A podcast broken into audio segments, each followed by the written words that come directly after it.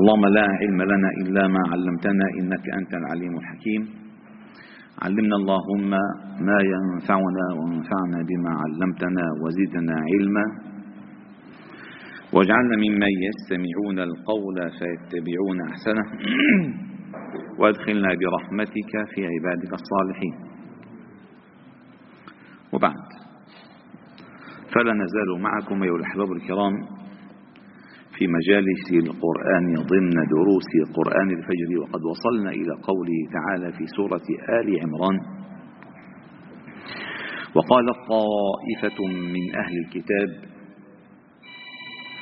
آمنوا بالذي أنزل على الذين آمنوا وجه النهار واكفروا آخره لعلهم يرجعون. ولا تؤمنوا إلا لمن تبع دينكم. وهذا ديدا أيها الأحباب الكرام هذا ديدا أهل الكتاب وطائفة منهم خاصة اليهود أنهم يضلون الناس عن سبيل الله ويقعدون لهم بكل صراط يوعدون ويهددون ويزينون ويلبسون ويشوشون ويشوهون. هذا ديدنهم. يعني المكنة التي يستخدمونها في إضلال الناس ضخمة جدا. ولا يكلون ولا يملون. وفعلا لو لم يكن هذا الدين حق بذاته محفوظ من رب العرش والسماوات لقضي علينا من أول معركة. ولكن الله يأبى إلا أن يتم نوره ولو كره الكافرون. وهو الذي قال في سورة الفيل ألم يجعل كيدهم في تضليل؟ وما كيد الكافرين إلا في ضلال. فالله يحفظ هذا الدين. ولكن لا يعني اعتقادنا أن الله يحفظ هذا الدين أن نعيش في رخاء ونسترخي. أن الله الله بينصر الدين. أنت ما عليك تعمل شيء. أبدا. ما الله ينصر الدين بمن حمل هذا الدين. فيحفظ الله تعالى هذا الدين بالصدور الواعية لحقائق هذا الدين. لأن الحديث الصحيح يقول فيه النبي صلى الله عليه وسلم يحمل هذا الدين من كل خلف عدوله. ينفون عنه تأويل الجاهلين وانتحال المبطلين وتحريف الغالين. أي هذا هذا هذا عملك أنت الآن. هناك طائفة من الناس جاهلون يؤولون يعني يحرفون يغيرون يبدلون يشوشون يشوهون. وهناك طائفة كذلك من الناس ينتحلون في هذا الدين ما ليس منه يزيدونه أو ينقصون عليه. وهناك طائفة من الناس في هذا الدين يغلون فيه. حتى الإنسان يرى أن هذا ليس دينا أي يخرج الإنسان من الفطرة. هدفك أنت كطالب علم وكحامل الأمانة أن تنفي أن تنفي وتبين للناس تأويل الجاهلين وانتحال المبطلين وتحريف الغالين. لذلك هذه الطائفة من أهل الكتاب وهم اليهود خاصة وكانوا كما ورد في تفسير الآية في سبب نزولها أنهم كانوا اثني عشر حبرا من أحبار اليهود.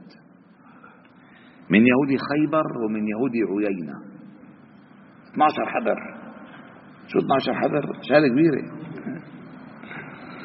فهؤلاء اتفقوا فيما بينهم أن يدخلوا في الإسلام متأثرين. متأثرين. وبكي ودغري لبس ثوب قصير حط سواك. ونفخ على الصف الأول. القرآن العالم طلعوا فيهم شو هذا؟ شو هذا؟ أحبار اللي وبلشوا يحكوا عليهم مقابل مقابلات وصحف وتقارير. مثل ما هلا بيعملوا مثل ما أول واحد بفوت دغري بحطوه إنه كأنه ملك جبريل نزل من جديد. لك على مهل لأنه عندنا في الدين أسلم فحسن إسلامه. ما دغري أسلم. بدنا نشوف اسلامه حسن ولا ما حسن. هذا بصير هيك. فالمهم بلمعوهم وب بيشهروهم وبيكونوا هن قصد دخلوا في المسألة. تبدأ القنوات الفضائية تنقل لهم آراءهم وأفكارهم. من عم يحكي المفكر الإسلامي الكبير العالم النحرير اللي كان الضلال وترك الظلمات. وجه كله تخلى عن كل شيء ودخل على النور. الناس بالفترة بيرتقوا يعني. فقالوا اتفقوا فيما بينهم أن يدخلوا في هذا الدين أول النهار. وجه النهار. والوجه لأنه يواجه الإنسان به الناس. أول شيء بتواجه أنت تطلع بتواجه كل شيء. وجه النهار. واكفروا آخره.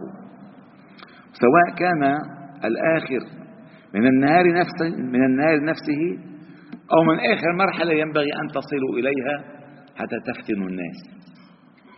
واكفروا آخره لعلهم يرجعون. فالناس لما بيكونوا 12 حبر وكانوا علماء وهم يعني دخل دخلوا عم يبكوا يبكوا يبكوا يبكوا. وحج وعمره وقرآن وإلى آخره. آخر شيء قلبوا. أوف لما قلبوا الناس تعرفوا لك شو قلبوا في شيء يعني. وما شرط يقلبوا أحيانا يقلبون الدين وهم بالدين. بتلاقي أول أول ما نبلش دروس ممتازة. عقائد وحديث وآيات وقواعد فقهية كذا آخر شيء. بلش فلسفات خزعبلات تخريفات تخبيصات. شو؟ الناس أساسا إنه قبلوا أول شيء قبلوا وهكذا يبدأ الدجال. الدجال أول ما يبدأ كما ثبت في الحديث يبدأ برجل مصلح جاي يصلح الدين للناس. آه. بعدين يبدأ شوي شوي شوي شوي بمرق الموضوع. فبيقول لهم وأنا كذلك أستطيع أن أشرع. شوي شوي بيقول لهم وأنا الإله. لا إله إلا الله. هذا الذي يعني يجري على الناس نفس الآية وقالت طائفة من أهل الكتاب آمنوا. الذي أنزل على الذين آمنوا وجه النار. واكفروا آخره لعلهم يرجعون. ولا تؤمنوا إلا لمن تبع دينكم. يعني أنتم ينبغي ألا تتخلوا عن دينكم. وإن كنتم تعلمون علم اليقين أن دينكم لم يعد دينا وأنه تلاعبت به الأهواء والآراء والأيدي والعقول وأصبح دينا مجوفا مفرغا ومع ذلك هم ثابتون عليه. ولا تؤمنوا إلا لمن تبع دينكم. قل إن الهدى هدى الله. أن يؤتى أحد مثل ما أوتيتم أو يحاجوكم عند ربكم. وهذه الآية لها تفسيران. وكلاهما يحتمل المعنى الصحيح. أول معنى ولا تؤمنوا إلا لمن تبع دينكم. قل إن الهدى هدى الله. هذه جملة معترضة. يعني كأن الله تعالى يعلمنا أن نرد عليهم أن الهدى هدى الله الذي يهدي. ما أنتم؟ والله هدانا للإسلام. الله هدانا للإسلام. قل إن الهدى هدى الله. أن يؤتى أحد مثل ما أوتيتم. تفسير الأول على أن هؤلاء اليهود يحسدون أمة الإسلام أنهم أوتوا أفضل مما أوتوا. وسوف يحاجونهم عند ربهم. أن يؤتى أحد مثل ما أوتيتم. أو يحاجوك عند ربكم. أو اعترضوا المسألة. يعني حسدون لذلك. المعنى الآخر تابع الكلام لأول جملة ولا تؤمنوا إلا لمن تبع دينكم ولا تؤمنوا أن يؤتى أحد مثل ما أوتيتم ولا تؤمنوا أن يحاجوكم عند ربكم. وكلا المعنيين صحيحان ويحتملان. لنفس نفس الثمرة. أنه اليهود يقولوا لبعض أوعى تصدقوا أنه هؤلاء يؤتون مثل ما أوتيتم. اوعى تصدقوا أن هؤلاء سيحاجوكم عند ربكم. ما لكم أنتم عند الله ليس لأحد مثله أبدا. وقالت اليهود والنصارى نحن أبناء الله وأحباؤه. ففكروا حولهم شغله فأجت هذه الآية أو الجملة قل إن الهدى هدى الله فالله يهدي والهدى إنما يكون من عند الله. والآية التي سمعتموها في سورة أو في صلاة الفجر قل أندعو من دون الله ما لا ينفعنا ولا يضرنا ونرد على أعقابنا بعد إذ هدانا الله. كالذي استهوته الشياطين في الأرض حيرانا له أصحاب يدعونه إلى الهدى. ائتنا قل إن الهدى هدى الله قل إن هدى الله هو الهدى وأمرنا لنسلم لرب العالمين. أي لا يكون هدى إلا من عند الله. قل إن هدى الله هو الهدى وأمرنا لنسلم لرب العالمين. فهؤلاء اليهود حسدوا أمة الإسلام على هذه المسائل وبدأوا بإضلال الناس. وسأذكر لكم الحديث كما آه، أخبرتكم بالأمس. حديث جميل جدا حديث هو صحيح طبعا. يقول فيه النبي صلى الله عليه وسلم رواه البخاري إنما أجلكم في أجل من خلى من الأمم يعني أنتم الله تعالى عندما خلق الناس جعل أمما أمثالكم. أم أمم؟ أمة اليهود وأمة النصارى وأمة المجوس وأمة أمة أمة أمم كثيرة. فقال إنما أجلكم في أجل من خلا من الأمم ما بين صلاة العصر إلى مغرب الشمس. يعني أنتم آخر أمة.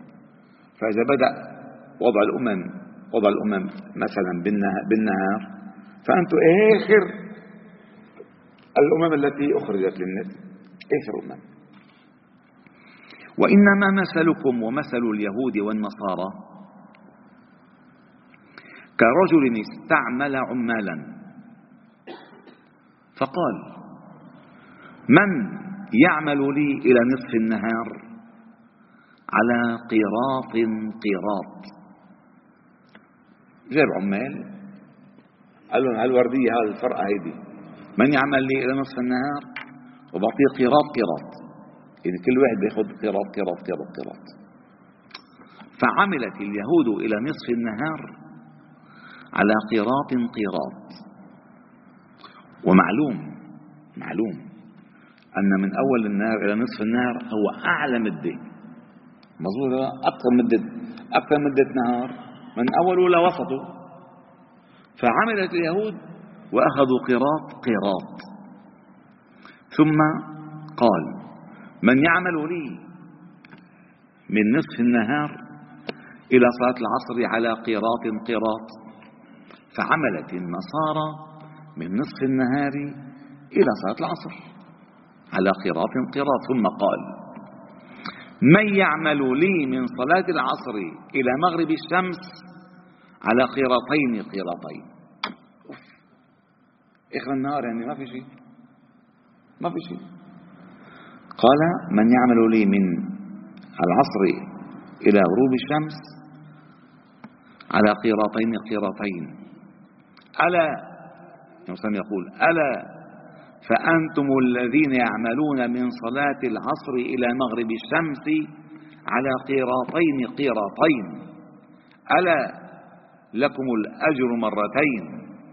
فغضبت اليهود والنصارى وقالوا نحن أكثر عملا وأقل عطاء. فقال الله تعالى هل ظلمتكم من حقكم شيئا؟ ما أنا أزلكم تعملوا على قراءة أعطيكم حقكم؟ هل ظلمتكم من حقكم شيئا؟ قالوا لا. قال فإنه فضلي أعطيه من شئت. من شئت.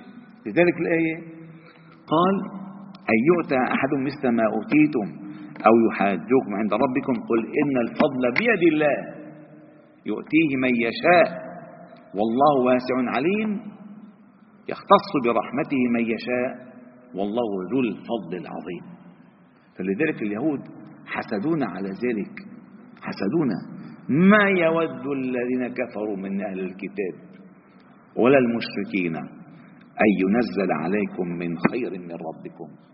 والله يختص برحمته من يشاء والله ذو الفضل العظيم والحمد لله رب العالمين.